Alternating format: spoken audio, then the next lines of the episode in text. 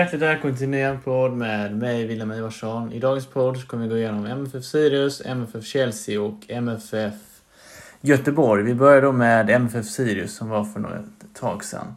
Det var då att MFF började ganska bra i denna matchen, skapade en hel del chanser i första halvlek och hade övertaget där medan Sirius var ganska giftiga på deras få kontringar. Men det var i den andra halvleken, det var där det sprakade till. Först så gör man FF 1-0 ganska tidigt, ungefär i den 50 minuten, så får Malmö FF straff och Jo Inge Berget kliver fram och sätter straffen kyligt till 1-0. Och där och då kan man tro att detta skulle bli en enkel resa. Men det hade vi verkligen fel i. För därefter så tappar man FF momentumet totalt och slutar spela några minuter. Och det skadar verkligen. Det gör alltså riktigt skada. För direkt därefter så gör Sirius 1-1 och redan då planerar Jon Dahl Tomasson på att sätta in tre nya spelare.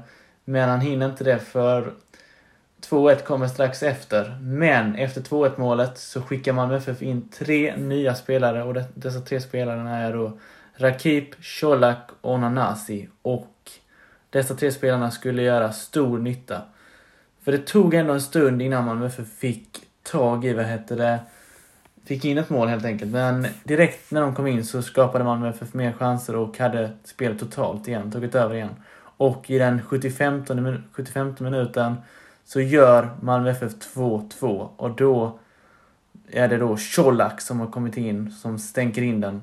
Och nu var det vittring på ett mål till och det var ju otroligt viktigt att göra ett mål till så att man är i förarsättet i guldstriden för, guldstriden, för annars har man ju inte det i egna händer. Vilket kan vara jobbigt i slutet. Men målet ville inte in. Malmö FF skapade otroliga chanser de sista fem minuterna, men jag ska också tillägga att Sirius hade en chans där det kunde stå 3-2. Malmö FF skjuter, eh, skjuter bort den från mållinjen. Men det var Malmö FF de sista fem minuterna överlag. Det var bara den Sirius, den chansen de hade. Peña testar skott från distans, deras målvakt gör en kanonräddning. Nanasi dribblar igenom deras straffområde och är så himla nära på att göra 3-2, men det vill sig inte.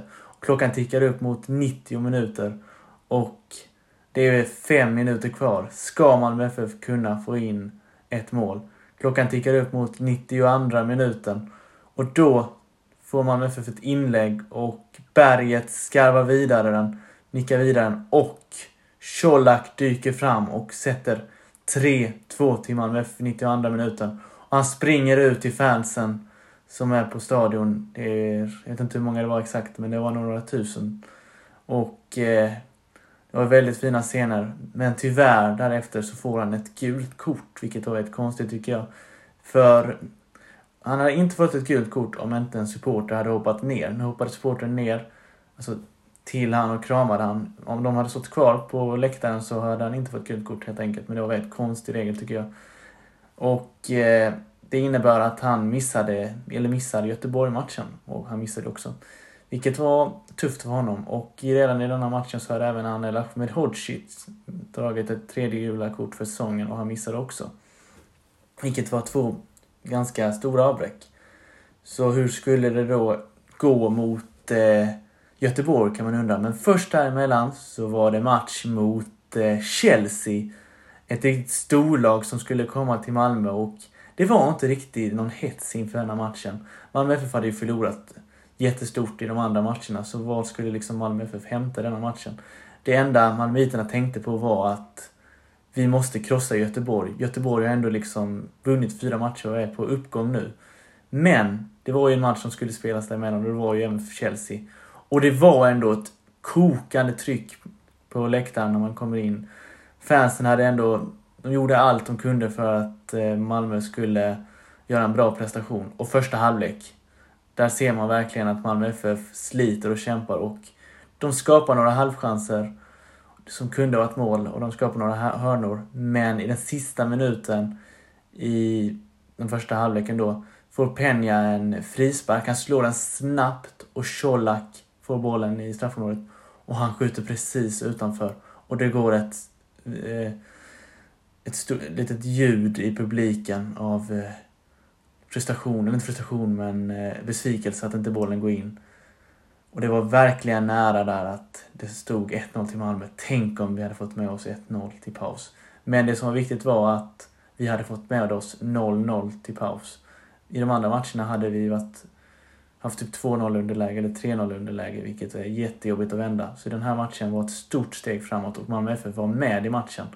Men i den andra halvleken så trycker Chelsea igång ganska snabbt och får in ett mål tyvärr. Det hinner gå 10 minuter innan och då så dör ju, vad heter det, stämningen lite och eh, Malmö FF lyckas inte skapa några heta chanser. Men det står ju bara 1-0 så allt kan hända men det blir inget mer mål för något av lagen och Malmö FF gör en jättebra prestation och det är en fantastisk stämning i hela matchen även om såklart stämningen dör lite efter ett 1-0 mål mot Chelsea. Men det var ändå fint att se supportrarna sjunga vidare ändå. Och det var ett stort steg framåt för Malmö FF att kunna spela jämnt mot Chelsea. För med lite tur så hade Malmö FF kunnat få 1-1. Eller kanske 1-0 om man hade... Nej, 1-1 var nog närmare än 1-0 vinst. Men det är ju sådana chanser som man måste sätta för eh, Chelsea sätter ju sina direkt. Men då går vi vidare och eh, blickar fram emot eh, Göteborgsmatchen då.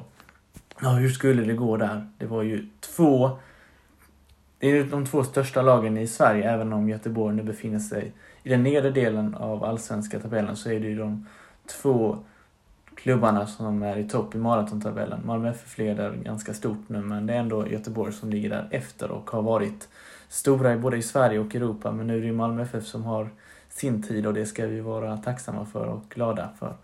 Men eh, vi börjar då med inramningen. Det är en fantastisk inramning. Göteborg har ett fint tifo, ett kaos-tifo kan man säga med eh, det rullar ner sån här eh, konfetti och lite såna här rullar. Det är jättefint och så brinner det bengaler och så är det flaggor från Göteborg. Och Malmö FF har också flaggor och eh, bengaler med skånsk, skånsk färg, skånska flaggans färger. Det var väldigt fint. Det var en väldigt fin inramning. Det sjöngs från båda klackarna och det var fint att se. Helt enkelt. Och matchen börjar ganska båda lagen känner på varandra och Göteborg kommer ändå in i matchen ganska snabbt och skapar något läge som de på Discovery ville få till straff. Det är när Göteborg, en Göteborgsspelare som springer in i Lasse Nilsson, vilket jag tycker är väldigt eh, dåligt att man, det ska bli straff. För det, jag tyckte domaren gjorde ett väldigt bra beslut att inte döma straff. Det skulle varit jättebilligt och det skulle varit en soft penalty och jag tyckte man märkte att han kanske hade kanske ändå hade blickat lite mot Malmö FFs match mot Chelsea, för den domaren var riktigt bra och han dömde inga sådana här soft penalty, för det händer alldeles för ofta att det blir domarmisstag. Och det var bra gjort av eh, Kristoffer Karlsson att inte döma straff i den situationen. Och Göteborg skapar även något läge till, men då bryter Lasse Nielsen bollen di ganska direkt ändå och han var en gigant i straffområdet.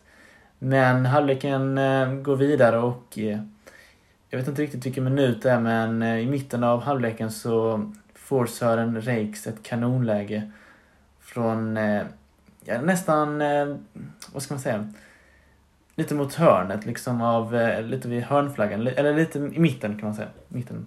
Och eh, han eh, skjuter mot mål och bollen glider in i hörnet. Otagbart för Anesti och han lyfter upp fingret mot Göteborgsfansen han har ju spelat i Göteborg. Då springer AC fram snabbt, tar bort liksom fingret för att inte få ett gult kort. Men tyvärr får han ett gult kort. Jag tycker den regeln är lite larvig. För att eh, han har blivit utbuad hela matchen av Göteborg, liksom när han rör bollen. Och han sträcker upp ett finger. Det var inte så att han sprang ut till Göteborg liksom och hetsade. Han stod bara kvar och räckte upp ett finger för munnen. Ja, jag tycker det var lite som med den här eh, matchen mot Sirius där Antoni Colak får ett väldigt tveksamt gult kort. Jag tycker man måste ha lite bättre känsla. Det, är ändå känslor i fotboll, så det här tycker jag är ett väldigt tveksamt gult kort. Jag hade fått... Jag förstår ändå att regeln finns och jag förstår om det, mer om det hade hänt liksom att han hade sprungit fram och hetsat publiken. Nu räckte han bara upp ett finger liksom för att markera lite. Och han har även sagt att eh, han inte han tycker inte att hat ska liksom... Han, han kan ta liksom kritik och sånt och kanske burop och sånt men inte att han ska liksom få ut så hat inför varje sån här match. Han gick ju från Malmö FF, eller från Göteborg till Malmö FF för fyra år sedan. Så det Göteborgarna är fortfarande långsinta över det. Och han gick ju som Bosman så man kan förstå att han var ju då gratis för Malmö FF i princip. Men vi blickar vidare mot andra halvleken och det är Malmö FF som styr där och skapar chanser. Och det är även Sören Reiks som gör 2-0. Och det är en konformatabel styrning av spelet i andra halvlek. Göteborg kommer ingenstans. Det är verkligen ett maktskifte kan man nästan säga. Och eh, i, eh, ja, i den andra halvleken, tiden, tiden går, så vet du, får även eh, Malmö FF en hörna och där är det så himla nära att eh, Sören Reik sätter 3-0. Men tyvärr blir det inte 3-0 och därefter så är det Lasse Nilsson som också är nära på att sätta in 3-0. Och han sa, Lasse Nilsson sa ju att den enda besvikelsen över dagens match är ju att Sören inte sätter 3-0. Men undrar vad som hade hänt då på Göteborgs stadion. Då hade de blivit galna. Så det kanske var tur ändå att det bara blev 2-0 och eh, det stannade där. För det stannade med 2-0 och eh, på vad heter det, Göteborgs sektioner så sjöngs det Vi hatar Sören Riks allé allé. Men när Sören Riks kom till Malmö FF sektioner därefter, det var drygt 2000 människor som hade rest från Malmö till Göteborg, så sjöngs det Vi älskar Sören Riks allé allé. Det var väldigt fint. Jag tänker att vi avslutar där, det blir med ett kort podd, men vi återkommer efter, ja vi får se Zenit är det nog. Bye bye everybody.